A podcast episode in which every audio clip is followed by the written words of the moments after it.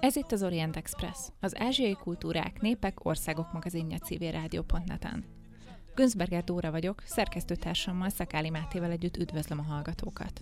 A Szovjetunió felbomlásával párhuzamosan 1991-ben az öt közép-ázsiai sztán, vagyis Kazaksztán, Kirgisztán, Tadzsikisztán, Türkmenisztán és Üzbegisztán először nyerte el független államiságát. A függetlenség után legalábbis elméletben nyitva állt az út a volt szovjet tagköztársaságok előtt a nemzeti kontúrok, a politikai rendszer és a vallás társadalmi és politikai szerepének újraértelmezésére. Milyen közös elemek és eltérések figyelhetők meg a közép-ázsiai államok nemzetalkotási és nemzettéválási folyamataiban? Milyen politikai jelentőséggel bírnak ma a klánok? Míg a szovjet valláspolitika minimális teret hagyott az iszlámnak a közép-ázsiai államokban. A Szovjetunió felbomlásával vajon hogyan értékelődött át az iszlám társadalmi és politikai szerepe? És vajon képesek voltak-e politikai és társadalmi ternyerésre különböző muszlim mozgalmak a független sztánokban? Mai vendégünk Gyenepál, a Budapesti Gazdasági Egyetem oktatója.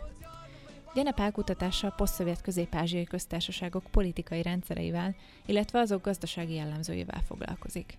A témában önálló monográfia jelent meg 2017-ben Független államiság a posztszovjet közép-ázsiában címmel.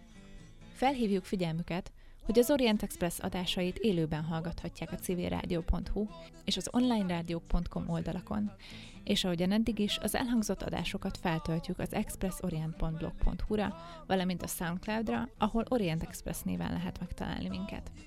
Adásaink továbbra is elérhetőek lesznek a különböző podcast alkalmazásokban is, bárhol, bármikor, bármilyen kutyuról. Mai vendégünk Gyenepel, köszöntünk az Orient Express stúdiójában, és köszönjük, hogy elfogadtad a meghívásunkat. A munkáidban nagyon sokszor előjön egy bizonyos ideáltipikus közép-ázsiai modell. Ebből kiindulva vizsgálod a közép-ázsiai államok nemzetépítési folyamatait.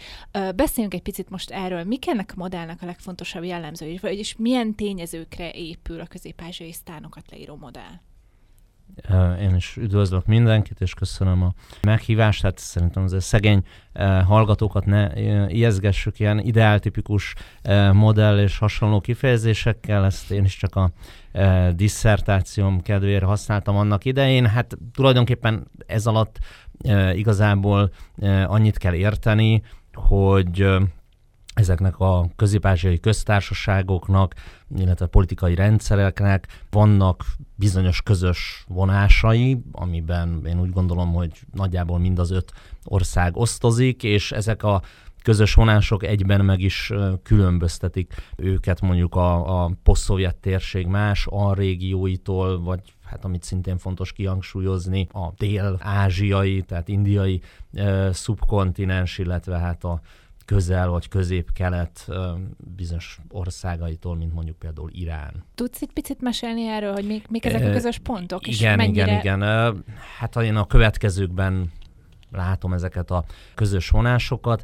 Egyrészt a, a személyközpontú politikai kultúra, illetve hát ezeknek a politikai rendszereknek a személyközpontú jellege, tehát amikor a közép-ázsiai politikai rendszerekről beszélünk, akkor alapvetően ezeket a nyugati politikai, ideológiai kategóriákat, azt mondhatnám, hogy el lehet felejteni, tehát ezeknek a címkéknek, hogy liberális, konzervatív, szocialista, szociáldemokrata, bár bizonyos pártok ugye nevükben viselnek ilyen címkéket, de ezeknek nincs túl nagy jelentősége. Itt alapvetően a politika személyek, személyközi érdekhálózatok, illetve hát személyes lojalitások láncolatai mellett zajlik. A másik, amit hát a, a szakirodalom és nagyon erőteljesen hangsúlyoz, az úgynevezett klán alapú vagy klán központú jellege ezeknek a politikai rendszereknek.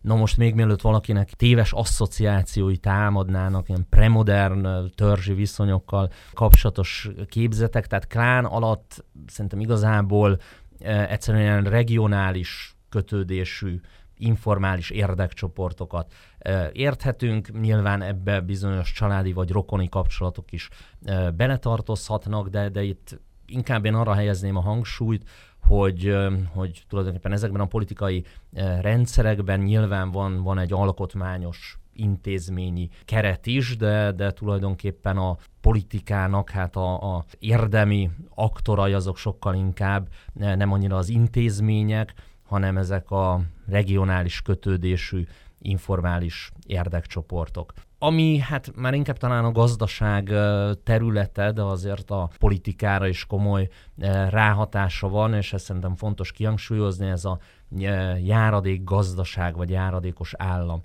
jelleg, tehát ezeknek az országoknak a gazdasága, hát már ami, ami működik és funkcionál belőle, az alapvetően nyersanyag kitermelő, illetve exportáló szektor, és hát azt is látni kell, hogy hogy gyakorlatilag a, a, az energetikai szektor ezekben az országokban elválaszthatatlanul szorosan összefonódik a, a politikai elittel, mert ugye ezek állami cégek, vállalatok végzik a kitermelést, illetve az exportot, így annak jövedelmeiből is a politikai elitek részesülnek. Már ahol vannak ilyen e, jövedelmek, mert, mert úgy gondolom ez, ez majd egy fontos különbség lesz a térségen belül, hogy vannak ugye a, a nyersanyagban e, e, gazdagabb és, és kevésbé jól ellátott országok, és ez úgy gondolom szoros összefüggést mutat a politikai stabilitásuk mértékével. És hát ha már a, a stabilitásnál tartunk, fontos azt is kihangsúlyozni, hogy ezek kimondottan szekuláris jellegű politikai rendszerek, illetve társadalmak, ugyan Szovjetunió utolsó éveiben, illetve a függetlenedés után bizonyos államokban és térségekben iszlamista mozgalmak is felbukkantak, de hát én úgy gondolom, hogy ha szabad így kifejezem magam, talán ez kicsit uh, túl hype-olt uh, téma volt annak idején a szakirodalomban is, meg a, a sajtóban is, tehát összességében ezeknek a, az iszlamista mozgalmaknak, meg a politikai iszlámnak ezekben az országokban a, a politikai és társadalmi befolyása az marginális. Ez egy nagy különbség például a, a mondjuk Afganisztánhoz, Pakisztánhoz, vagy hát Iránhoz képest. A politikai berendezkedések és a járadékgazdaság szempontjából is a személyi dimenziónak milyen szerepe van? Tehát elsősorban oligarchikus berendezkedésekről, vagy szultanisztikus berendezkedésekről beszélhetünk? Hát, eh, ahogy elmondtam, eh, ugye itt a nyersanyag kitermelés és export bevételei azok elsősorban a politikai elitet gazdagítják, és hát aztán a, a politikai elit felől csorog le ugye a társadalom szélesebb rétegei felé, már amennyi lecsorog, bár azért ezek a rezsimek próbálnak a, a politikai stabilitás érdekében is azért bizonyos alapvető szociális juttatásokat biztosítani a polgáraik számára, tehát én úgy gondolom, hogyha mondjuk a közel-kelet vagy, vagy Dél-Ázsia társadalmaival hasonlítjuk össze, akkor azért nem olyan ordítóak vagy, vagy szembeötlőek a, a jövedelmi különbségek, ugye akár csak mondjuk a nagyvárosi nyomorra gondolunk, hát annak mondjuk az indiai dimenziói közelében sincsenek a közép-ázsiai társadalmak. Ez a járadékos jelleg, ez uh, itt, itt azt gondolom a politikai stabilitás az mindenképpen egy, egy kulcs szó, tehát inkább, uh, inkább ezzel függ össze. Ugye a, az öt szóban forgó országból három, Kazasztán, Türkmenisztán, illetve Üzbegisztán, uh, azok uh, energiahordozókban, hát nyersanyagokban gazdag országoknak tekinthetőek, még ezzel szemben Kirgisztán, illetve Tajikisztán, ami hát ugye a Szovjetuniónak is a két legszegényebb tagköztársasága volt, nyersanyagokban kimondottan szegény hegyvidéki országok, hát legfeljebb mondjuk az energiahordozók közül, ugye a vízi energiában bővelkednek, de, de minden esetre az úgy gondolom szembeötlő, hogy a, a három szénhidrogén kitermelő és exportőr állam az, az politikailag mindenképpen stabilabbnak bizonyult, míg ezzel szemben a két energiahordozókban szegény ország, Kirgisztán, Tajikisztán, az ugye sokkal, sokkal instabilabbnak bizonyult. Tehát Tajikisztánban a 90-es években azért egy elég, elég komoly és véres polgárháború dúlt, még Kirgisztánban ugye két alkalommal is 2005-ben, illetve 2010-ben ízléstől függően forradalomnak vagy, vagy zavargásoknak minősíthető, de minden esetre erőszakos módon döntötték meg a, a fennálló rezsimek hatalmát. Ugye a másik három még egyszer mondom, gazdagabb ország, az, az politikailag ebből a szempontból sokkal stabilabbnak bizonyult, és hát azt gondolom ez nem véletlen. Ez azt jelenti, hogy akkor a szegényebb országokban nagyobb a verseny a szűkösebb erőforrásokért az eliten belül? Igen, én azt gondolom valami ilyesmiről van szó, tehát sokkal kisebb a konc, amin marakodni lehet. Ugye itt visszautalnék ugye erre a klán alapú jellegére ezeknek a, a politikai rendszereknek.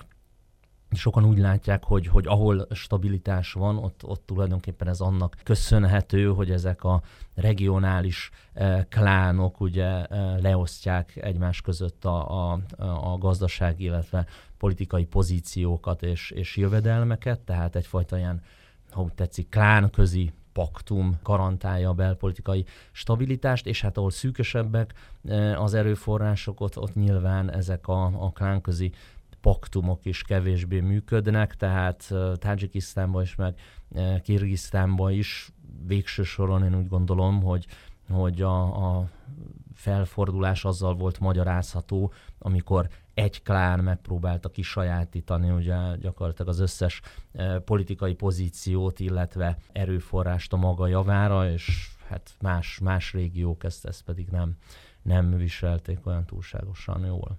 Tehát akkor azért van eltérés az államok között, jelentős eltérés például a klánlapú politika szempontjából is. Például Türkmenisztánban mi a helyzet, ahol ugye gyakorlatilag észak-korea-szerű diktatúra van már hosszú-hosszú évtizedek óta. Ott mennyire meghatározó az a klánalapú politika? Igen, hát a türkmén politikai rendszer az, az kicsit egy ilyen fekete doboz jellegű, valóban nagyon eh, nehéz eh, belelátni, tehát ugye egy valóban Észak-Korea szinten világtól elzárt és izolált eh, országról van szó. Ennek ellenére azért azt mondhatjuk, hogy ott is megvan ez a, ez a regionális leosztottság, illetve hát a klánok közti valami fajta erőegyensúly. Ugye az előző elnök Szapár Murat Nyazov Türkmenbasi, ő valóban itt, itt az előbb elhangzott egy ilyen kifejezést, hogy szultanisztikus, tehát ő próbálta ezeknek a, a klánoknak letörni a hatalmát, és tényleg egy ilyen végletesen egy személyi jellegű politikai rendszert működtetni az utódja, uh, Gurbanguly Berdi Muhamedov, ő talán uh, visszatért a, a hagyományosabb, közvetettebb, ugye a klánokra támaszkodó hatalom gyakorlásra, bár, bár ugye ettől az országnak a, a nemzetközi elszigeteltsége az, az nem feltétlenül oldódott, illetve hát ugye a másik jellemzője, amit, amiről Türkmenisztánt esetleg ismerni szokták, ugye az elnöki személy kultusznak a túlburjánzó megnyilvánulásai, hát ebben sem marad el a mostani elnök elődje mögött, tehát, tehát a felszínen igazából valóban a, a türkmén politikai rendszer az, az nem sokat változott, de hát talán a hatalomgyakorlás mély struktúráiban, ha mondhatjuk így, ott is érvényesül ez a klán közi politizálás. к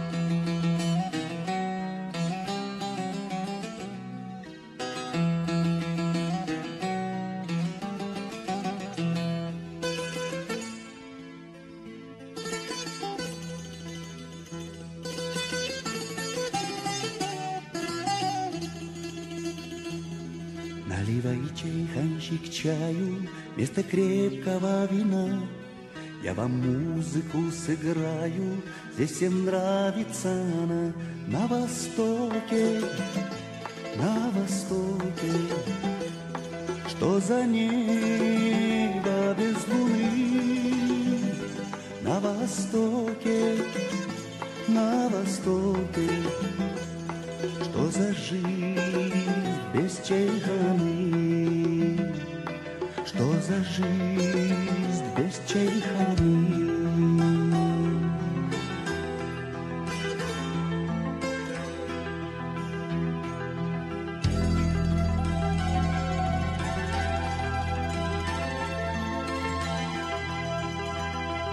Яла идет по кругу, Аксакалы смотрят в мир, Рады гостю, рады другу, здесь застолье, но не пир. На востоке, на востоке, что за небо без луны.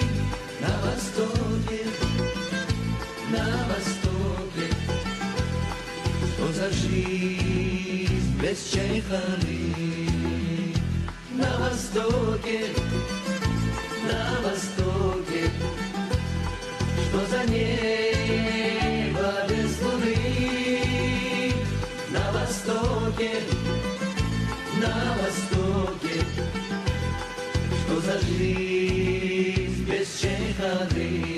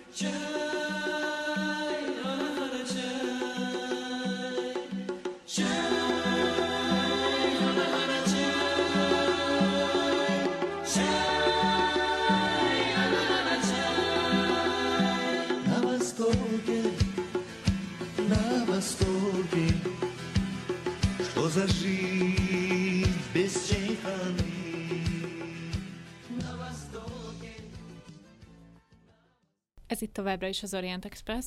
Folytatjuk a beszélgetést Jenepállal Közép-Ázsiáról. A szünet előtt elkezdtünk beszélgetni a klánokról, illetve a klán alapú politika működéséről a közép-ázsiai sztánokban, szó volt egy kicsit Türkmenisztáról már.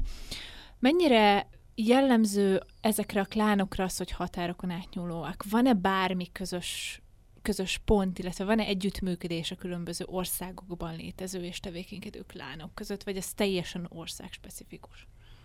Hát azért mostanra én úgy gondolom, hogy a közép-ázsiai eh, nemzetépítés az, az elért egy eh, olyan fokot, illetve államépítés, hogy, hogy ilyen szempontból a, az egyes politikai rendszerek között a, a határok azok nem igazán átjárhatók, sőt, hát én inkább tehát ezek, ezek a, a klán struktúrák, amikről beszéltünk, ezek inkább az egyes politikai rendszereken belül rivalizáló csoportokként kell elképzelni, ugyanakkor kimondottan ilyen, ilyen határokon átnyúló transnacionális struktúrákat nem alkotnak. Hát ez a közép-ázsiai kontextusban elég nehéz is lenne, mert, mert hát szemben mondjuk mondjuk Európával, vagy a világ más régióival, amik a, a fokozódó integrálódás korszakát élik. Ugye a Szovjetunió felbomlása után Közép-Ázsia az pont egy olyan, olyan térség, ahol, ahol ezek a frissen függetlenedett államok ugye minél inkább a saját állami szuverenitásukat és függetlenségüket akarták megszilárdítani, tehát ezzel is magyarázható, hogy regionális szinten tulajdonképpen a, a, az állam vagy kormányközi eh, kooperáció is legalábbis az elmúlt évtizedekben az, az nagyon eh, minimális eh, mértékű volt, úgyhogy én úgy gondolom, hogy ezek a, a közép politikai rendszerek kifelé elég ilyen, ilyen zárt dobozként működnek, és, és csak a, a nemzetállami határokon belül folynak ugye ezek a, ezek a lobby harcok az említett klánok között. És ez a klán struktúra az állam igazgatásban is leképeződik? Alapvetően szerintem az a képlet, tehát hogy a, ugye a regionális eh, szinten a egyes országokon belül mondjuk a, a tartományi igazgatásban ott a helyi eh, klánok eh, kapnak szerepet, ugyanakkor a, az országos szintű politikai vezetést azt általában ugye egy a legerősebb klán ö, sajátítja ki. Mondjuk szokták mondani, ugye, hogy például nem tudom, Üzbegisztánban az úgynevezett Samarkandi uh, Gizaki klán az, ami például uh, pozícióban van, vagy uh, Kirgisztánban, ahol ez az észak-déli uh, megosztottság meghatározott általában a, az északi, a úgynevezett Nárin uh, régióból, Nárin vagy Talasz régióból származó klánok hát felülreprezentáltak a, a, az országos vezetésben. Nyilván ezt nem úgy kell elképzelni, hogy csak abból a régióból származó egyének tölthetnek, vagy futhatnak be vezetői karriert, mint mondtam, azért nem a származás, vagy nem a családi kötelékek szerepe kizárólagos, tehát olyan van, hogy egy más régióból származó egyén, hogyha lojálisnak bizonyul kellően, akkor tulajdonképpen az adott klán tagjává válhat. És hát mondom, nyilván ezeknek az országoknak ugye ez a, a kényes belpolitikai egyensúlya sokszor ezen múlik, hogy, hogy ezek a vezetők lánok mondjuk mennyire hajlandók osztozni a, a többiekkel a pozíciókba, és legalább e, regionális középszinten mennyire e, juttatnak a, a többi klánnak pozíciót, vagy próbálják azokat, azokat kisajátítani. Ha már lojalitás és ha már ö, nemzetépítés, hogyan áll egymáshoz, a klánokhoz való lojalitás, illetve a, nemzeti, a nemzethez való, illetve a nemzetállamhoz való lojalitás ezekben az államokban? Én úgy gondolom, hogy azért a, a szovjet korszaknak is a, a bizonyos szempontból fel kulturális e, téren ugye nagyon-nagyon e, tudatos és e, szívós nemzetépítési munkája, illetve hát a függetlenedés óta eltelt évtizedeknek köszönhetően is, azért most már nagyon is lehet és indokolt beszélni mondjuk kazak, üzbég, vagy éppen türkmén nemzeti tudatról és, és nacionalizmusról, tehát ilyen, ilyen abszolút van. Ami a másik két országot illeti, úgy gondolom ott is lehet ma már beszélni kirgiz, illetve tádzsik nemzettudatról, de, de ezekben az országokban ugye a, a nemzetépítési folyamat is talán nagyobb nehézségekbe ütközött. Hát valaki ránéz a térképre, ugye láthatja, hogy, hogy Kirgisztán meg Tajikisztán területe is gyakorlatilag ilyen áthatolhatatlan hegyvidék, tehát pusztán az infrastruktúrális összeköttetés, megteremtés a különböző országrészek között az is alapvető nehézség. Hát nyilván ilyen földrajzi körülmények között az, az egy adottság, hogy, hogy a regionális identitásokat, ugye valamiféle absztraktabb nemzettudat az, az nehezebben tudja felülírni, tehát én azt gondolom, hogy, hogy Kirgisztánban vagy Tajikisztánban ha úgy tetszik, ez a, ez a nemzetépítési folyamat, ez, ez kevésbé volt sikeres, amiről hát mondjuk a, a, a zavargások, meg Tajikisztán esetében a polgárháború is tanúskodik, de azért van, van kirgiz nacionalizmus is, ami hát sajnos mondjuk meg is mutatkozott például uh, 2010-ben, amikor az ottani politikai felfordulás Dél-Kirgisztánban, ugye például üzbég ellenes pogromok kísérték, tehát ott, ott nagyon szembeszökő módon megnyilvánult ugye például a, a kirgiz, illetve üzbég etnikumnak a, a szembenállása, és ott például a kirgiz nacionalizmusnak volt egy ilyen látványos, ám, ám de hát elég, elég tragikus következményekkel járó kitörése. Benedikt Andersonnak van ez a híres, hírhet nemzet elképzelése, mi szerint a nemzet a polgárok által lehatároltnak és szuverénnek elképzelt politikai közösség, és te is említetted a közép-ázsiai sztánok kapcsán a lehatároltságot és a szuverenitást. E tekintetben mennyire rivalizálnak egymással a közép-ázsiai nemzeti identitások? Mennyiben határozzák meg önmagukat a másikkal szemben? Ez mik a főbb építőköveik? Hát a, a rivalizálásnak, illetve irredent a konfliktusoknak, a táptalaja bőven megvan a térségben, mert ha megint csak megint csak rá, rá tudnék mutatni egy, egy térképre, ami persze egy rádióadásban nehéz, akkor láthatnánk, hogy a, a sztálini időkben részben azt mondhatjuk, hogy talán tudatosan az oszd meg hogy elvet is követve, ugye úgy vonták meg ezeknek a tagköztársaságoknak a, a határait, hogy azok etnikai, nyelvi választóvonalakat is keresztbe metszettek, tehát azért minden országba jutott a, a szomszédoktól etnikai e, kisebbség, illetve hát bizonyos esetekben ezek a határ megvonások nagyon, nagyon önkényesnek bizonyultak. Hát azt szokták mondani, ugye, hogy, hogy valószínűleg a, a legnagyobb nyertese a, a sztálini idők delimitációinak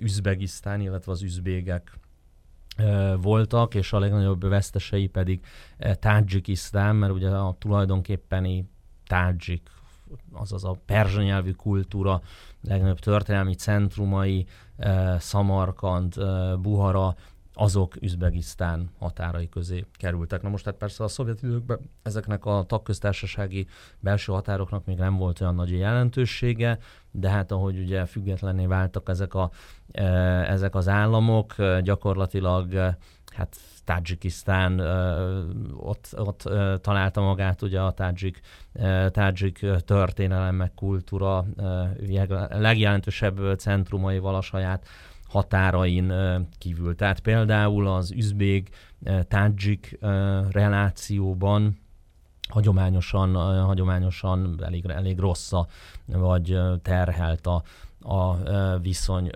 Kirgizisztánban is van például egy jelentősebb üzbég kisebbség az ország déli részén, és hát ott, ott hagyományosan ugye a, a üzbégek álltak, hát nem is tudom ezt hogy, hogy lehet helyesen megfogalmazni, hát talán egy, egy fejlettebb civilizációs fokon, tehát ugye a, a kirgizek azok hagyományosan inkább e, nomádok voltak, az üzbégek városlakók, és ez ugye még most is e, érződik, hogy ezekben a városokban a, a, a középosztály, meg kereskedői réteg, tehát a vagyonosabbak azok, azok üzbégek, és hát ezért van például ugye a kirgizek körében megint csak egy, egy erőteljesebb üzbég ellenesség, úgyhogy mondom, meg megvannak az ilyen etnikai, meg irredenta jellegű konfliktusoknak bőven megvan a, a táptalaja, ehhez képest azt gondolom az, az egy komoly eredmény, hogy azért a,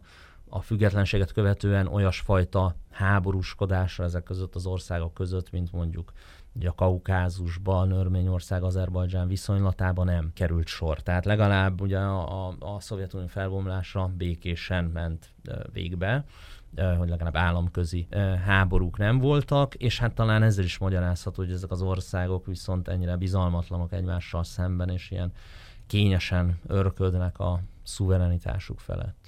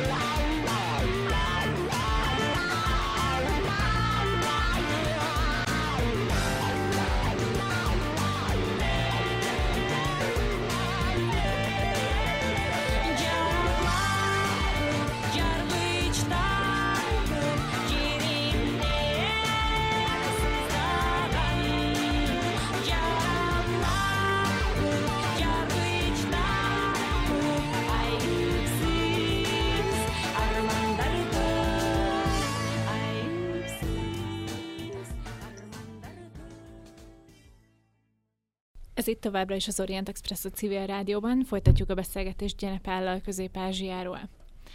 Eddig szó volt klánokról, etnikai csoportokról, nyelvi csoportokról. Beszéljünk egy picit a vallásról. Ugye Közép-Ázsia, illetve a közép-ázsiai térség lakosságának a nagy része muszlim, azon belül is szunnita. Azt mondtad, hogy az iszlamista mozgalmaknak nincs akkora jelentősége, de a mindennapi életben a vallásosság hogyan jelenik meg? Vallásosak ezek a társadalmak? Lehet egy, egyáltalán mérni valahogy? Hát én úgy tapasztaltam, itt, itt a térségen belül húzódik egy nagyon komoly választóvonal, tehát hogy mondjuk a, a politikai stabilitás tekintetében két külön csoportba sorolhatók szerintem a, a nyersanyagban gazdag, kazak, üzbék, türkmén államok, illetve az instabilabb Kirgisztán, Tajikisztán, úgy van egy másik választóvonal is, ez pedig a, a kulturális, amit óvatos közelítéssel valahol a, a Biskek Almati vonalnál húznék meg. Ettől északabbra, amiben hát Kirgisztánnak mondjuk, mondjuk az északi része és Kazasztán nagy része esik bele, alapvetően teljes mértékben ruszifikáltak a társadalmak, vagy hát a társadalom, tehát Kazasztánban, ugye gyakorlatilag a nagyvárosokban a popkultúrának, meg a sajtónak is a nyelve az orosz, orosz e, slágerek szólnak, és hát a, a lakosság mindennapi életvitele is ezt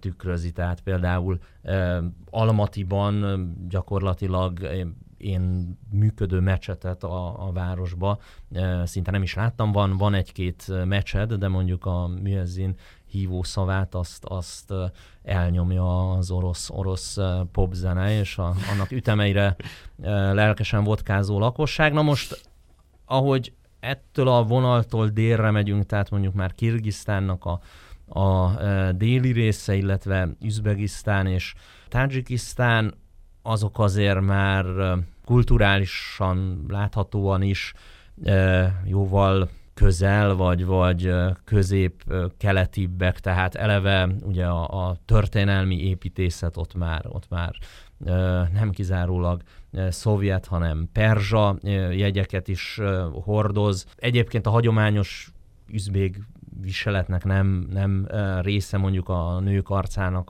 az elfátyolozása, de mondjuk ott már fejkendőt például hordanak a nők, ugyanakkor hát mondom, ez egy jó kérdés, hogy, hogy milyen, milyen tényezőkön lehet lemérni, mondjuk, mondjuk például az alkoholfogyasztás, az azért Üzbegisztánban is, is széles körben elterjedt, úgyhogy hát én összességében azért azt mondanám, hogy bár van egy ilyen törésvonal, de, de ez a törésvonal ez Kazaksztán és Üzbegisztán között kevésbé, sokkal kevésbé éles, mint, mint mondjuk e, Üzbegisztán, vagy, vagy e, Afganisztán, vagy Üzbegisztán és Irán e, között. Tehát e, az iszlám e, világ mércével mérve talán megkockáztatnám, hogy ezek a, a közép-ázsiaiak a leginkább szekularizált e, társadalmai az iszlám világnak, még, még akár úgy is, hogyha ha, ha mondjuk a balkáni népeket ide soroljuk az iszlám mint vallás társadalmi befolyását ezek szerint korlátozottnak veszük. Ez a politikai iszlámra is vonatkozik? Vannak iszlamista pártok, akár illegalitásban például? Igen, bocsánat, azért még a, a, a, az iszlámnak a, a társadalmi ereje vagy befolyása, tehát mondom, mindennapi életvitelüket tekintve ezek szekularizált társadalmak, de annyi jelentősége talán mégis van, e, tulajdonképpen valamilyen módon én úgy gondolom, hogy, hogy ezeknek a, a, az országoknak, vagy lakóiknak a, a, a nemzeti önmeghatározásuknak az azért része, hogy ők, ők muszlimok, elsősorban az oroszokkal al szembe. Tehát azért ennyit ennyit úgy gondolom mégiscsak számít a, a dolog, és hát például az, az egy érdekes társadalmi gyakorlat, hogy az ugye széles, széles körben elfogadott, hogy közép-ázsiai muszlim férfiak mondjuk orosz nőket vesznek el feleségül, de, de fordítva ez már sokkal, de sokkal ritkábban működik. Tehát azért ilyen szinten, ahogy észrevettem, leginkább az oroszokkal szembeni önmeghatározásukban azért van jelentősége a, az iszlámnak, a mindennapi életvitelt tekintve már már sokkal kevésbé, és hát azért mondom ott az embereknek az iszlám vallással kapcsolatos fogalmaik is, hát finoman szólva hiányosak. Ebből fakadóan a politikai iszlámra sem vevő azt gondolom a közép-ázsiai társadalmaknak a nagyobb része, ahol mégis ott ezt talán egyéb tényezők, a szociális feszültségek, lokális túlnépesedés magyarázzák. Hát talán nem véletlen ugye, hogy a, a, a hát, politikai e, iszlámnak, vagy iszlamista radikalizmusnak, ahol, ahol leginkább e, tere nyílt az úgynevezett Fergána völgy, vagy Fergána régió, az minden más szempontból is a, a, az egyik legproblémásabb térsége Közép-Ázsiának, tehát a leginkább túlnépesedett, ugye egyébként Közép-Ázsia nem túl számottevő, igazából összesen 80 millió emberről beszélünk, ennek a 40%-a koncentrálódik ott a Fergana medencébe, ami ráadásul föl van osztva három állam, Üzbegisztán, Tajikisztán és Kirgisztán eh, között. Én úgy gondolom e, e, ezeknek a, a gazdasági, meg, meg etnikai feszültségeknek a, a kumulatív hatása is talán, hogy, hogy ott, ott valahogy a népesség eh, fogékonyabbnak bizonyult, hát legalábbis korábban az ilyen iszlám radikalizációs tendenciákra. Ezek helyi mozgalmak voltak, vagy kívülről irányított iszlamista mozgalmak? Hát alapvetően, mivel ugye hát a szovjet időkben azért kívülről ne, nehéz lett volna ott mondjuk mondjuk közel keleti, nem tudom, ügynököknek vagy prédikátoroknak tevékenykedni, alapvetően helyi bázisa volt ezeknek, ami mindenképpen nagy hatással volt ezekre a mozgalmakra, az ugye az afganisztáni háború, és hát aztán a, a, az afganisztáni válságnak, meg polgárháborúnak a, a kisugárzó, meg tova gyűrűző hatása. Érdekes módon például a iszlám radikalizmus első képviselői között találunk olyanokat, akik szovjet katonaként harcoltak ugye Afganisztánban, majd onnan már iszlamista mujahedként, vagy legalábbis radikálisként tértek vissza. Tajikisztán, ami ugye földrajzi helyzeténél fogva is a leginkább kitett ennek, mert hát ott van ugye a leghosszabb közös határszakasz Afganisztánnal, és ott a polgárháború, ami hát végül is egyfelől mondhatjuk, hogy régió konfliktusa volt, de azért volt egy világnézeti vagy ideológiai dimenziója is, és ott a, az iszlamisták, hát akik végül is alul maradtak ebben a konfliktusban, az ő hátországukat, ugye az af- afganisztáni mujahedek jelentették, illetve hát a testvéreik, hiszen ne felejtsük el, hogy, hogy a tádzsik-afgán határ túloldalán Afganisztánban is etnikai tádzsikokat találunk, és ők voltak a tádzsikisztáni uh, iszlamisták fő, fő uh, segítői. Uh, Üzbegisztánban pedig hát igazából én, én azt gondolom, hogy csak a 90-es évek legelején nyílt ennek valamiféle tere, de aztán az üzbég rezsim az, az vaskézzel elfolytotta az ottani iszlamista mozgalmakat, úgyhogy tulajdonképpen hát a, a 2000-es ezredforduló tájékán még ilyen gerilla betörések történtek Üzbegisztánba is, ugye a Talibán uralta Afganisztánból, de aztán a Talibán bukásával ennek is vége szakadt, úgyhogy én úgy gondolom, az egyetlen ország, ami talán ettől veszélyeztetett, vagy, vagy valóban ilyen szempontból a legtörékenyebb, az mindenképpen Tajikisztán.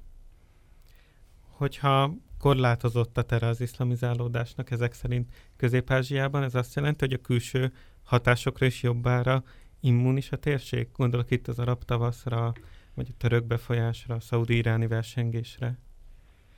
Hát ugye a térség az általánosságban is azért a, a, a világon még mindig a, a, az egyik legkevésbé elszigetel, de én úgy gondolom összességében hát geopolitikailag a, a poszt-szovjet régióhoz még még szorosabban kötődik, mint, mint a közel vagy, vagy közép-kelethez. A, a poszt-szovjet közép-ázsia, tehát mondjuk a, a poszt-szovjet országokban lezajló színes forradalmak például, azok, azok úgy gondolom nagyobb hatást gyakoroltak, nagyobb visszhangot vetettek, és a fennálló rezsimek is azt fenyegetőbbnek érezték. Ugye hát emlékeztetnénk, hogy Kirgisztánban is, ugye mikor tört ki forradalom 2000 2005-ben, ami gyakorlatilag beleilleszkedett ugye a 2003-ban Grúziában kezdődő, majd majd Ukrajnában folytatódó úgynevezett színes forradalmak láncolatába, tehát szerintem a posztszovjet közép térség az, az erre erősebben rezonál, ami ami meg, meg Iránban, meg Afganisztánban történik, az, az úgy gondolom kevesebb, kevesebb direkt befolyást tud kifejteni, tehát ott a, a képletesen fennálló falak, azok, azok abba az irányba jobban zárnak.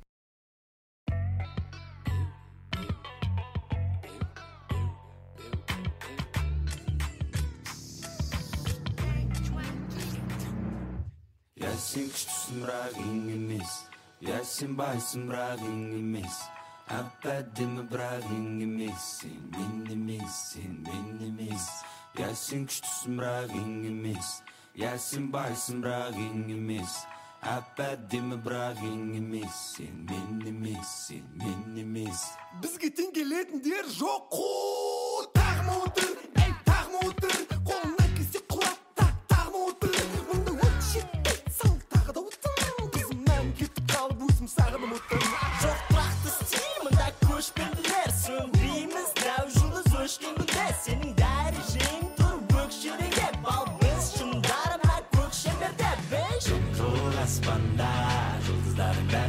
қасымда айналып балқуда еруде жер аяқ астында лем лем қысым бар я бірақ кел кел қысылма я кел бері сосын ары бері мынау бесік қозғала берсін иә сен күштісің бірақ ең емес иә сен байсың бірақ ең емес әп әдемі бірақ ең емес сен мен емес сен мен Gelsin küçüsünden yengimiz Gelsin bayısından yengimiz Hatta gemi ben yengimiz Senin benimiz, in benimiz қозғалысты үстінде жан салып айналаның бәрі көзбен бағалайды мен мәдениет үшін ағалайын туыстадым үтіп қуыстарда мыңға жуық саны суық саны жүректі суыртсадым жандым суытса да кім қуып қуып тастадым бұл бұрыстаным деп туыстарым тікті туып тастадым бұл бун кунг фумын фудна ғана ду ду менің мұңым ұлтымның ұлы жыл жу сынды үстім бу бу саған ту ту сен жоқсың секілді ктул ху Жоқ аспанда жұлдыздардың бәрі бүгін қасымда айналып балқуда еруде жер аяқ астында лем қысым бар бірақ кел кел қысылмай тербел сосын ары бері мына бесік қозғала берсін күштісің бірақ ең емес бірақ ең емес Apa demografinin is Minimiz, minimiz Gelsin küçüsünde yenimiz Gelsin baysında yenimiz Apa demografinin is Minimiz, minimiz La la la la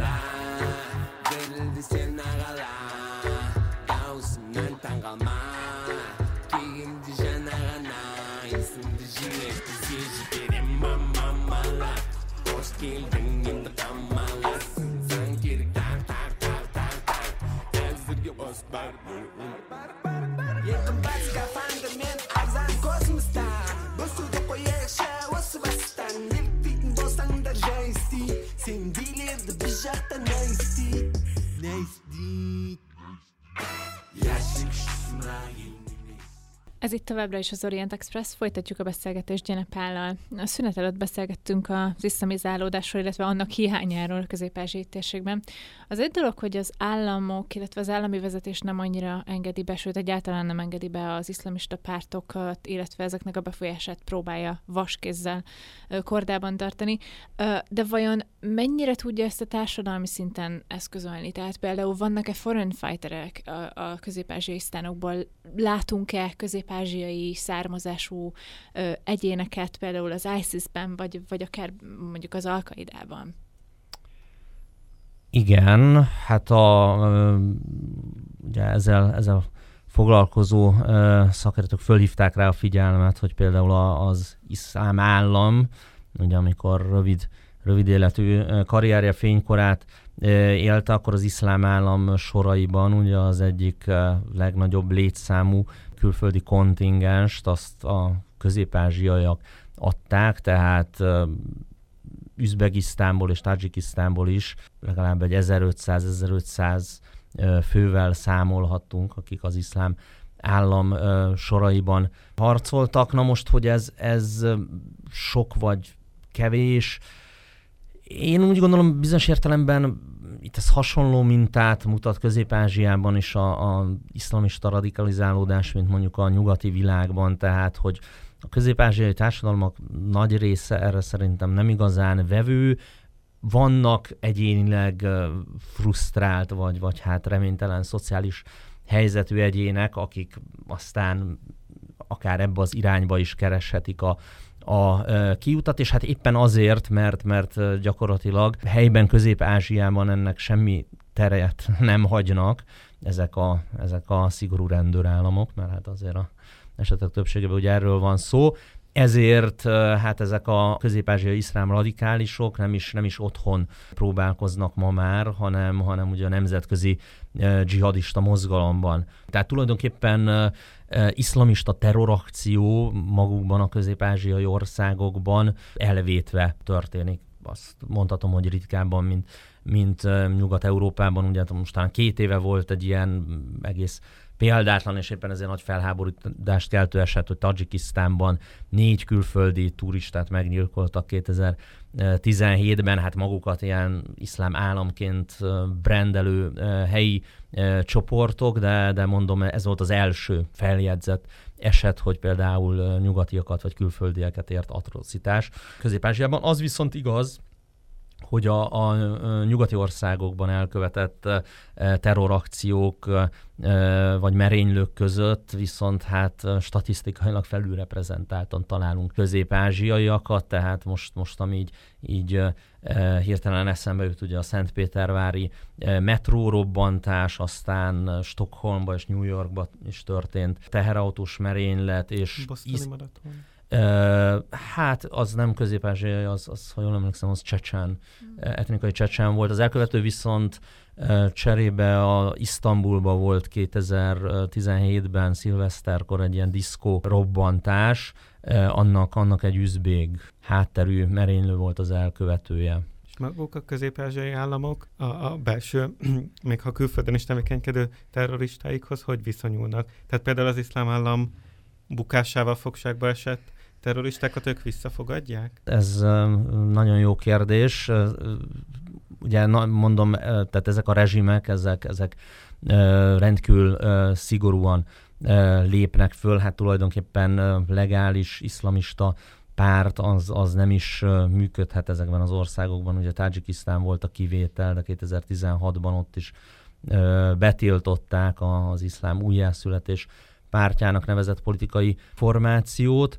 Úgyhogy én nem tartom valószínűleg, hogy, hogy nagy tömegbe vissza tudnának ezek áramlani, ezek a dzsihadista harcosok közép -Ázsiába. Egyébként az az érdekes, hogy nagyon sokszor ezek a radikalizálódott elemek nem is közvetlenül Közép-Ázsiából jöttek, hanem például az Oroszországban dolgozó közép-ázsiai vendégmunkások közül, és nagyon sokan ott radikalizálódnak. Tehát ugye Oroszországban azért van most már egy több milliós közép-ázsiai vendégmunkás közösség, főleg Tajikisztánból, illetve Kirgisztánból, és hát ezek bizony sokszor nagyon sanyarú körülmények között rasszista diszkriminációnak vannak kitéve, és ez eredményezi a radikalizációjukat, úgyhogy nagyon sokan tulajdonképpen Oroszországból eltávozva sodródtak a, a közel-keletre, hát sokan azt mondják, hogy, hogy még leginkább most a jövőben ugye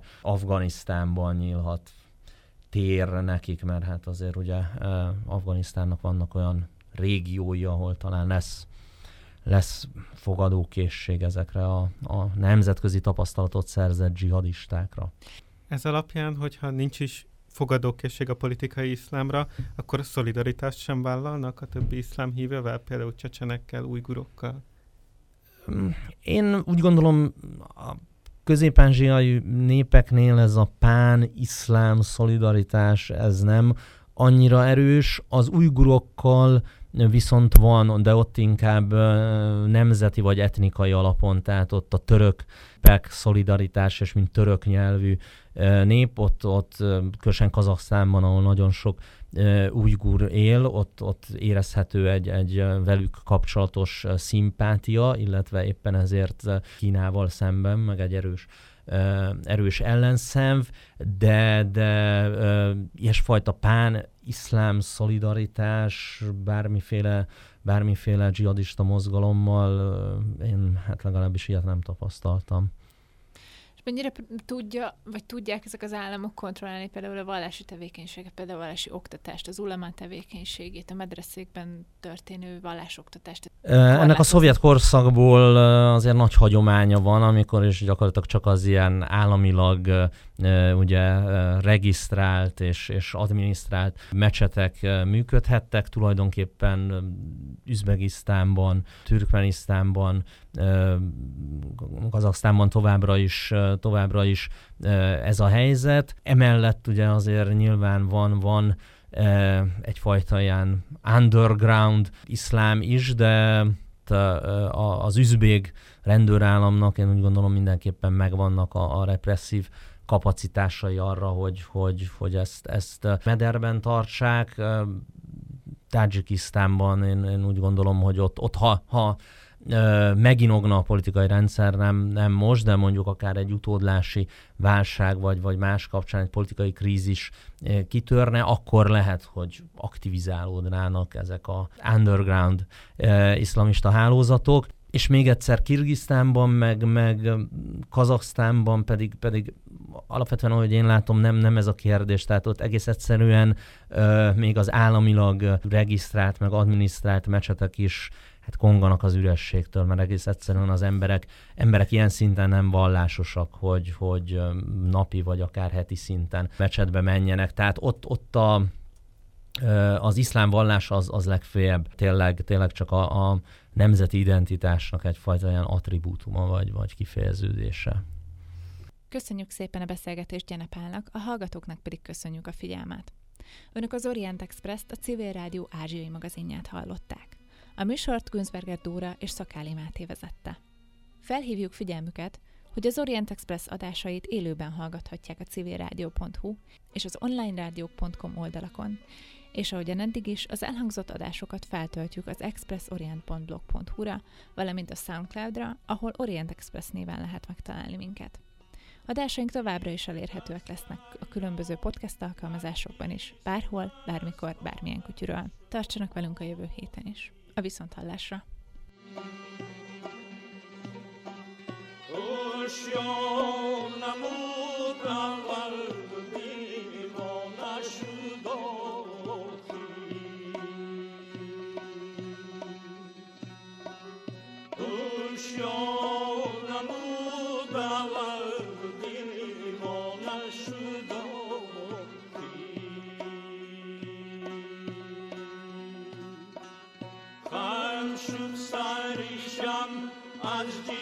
साथी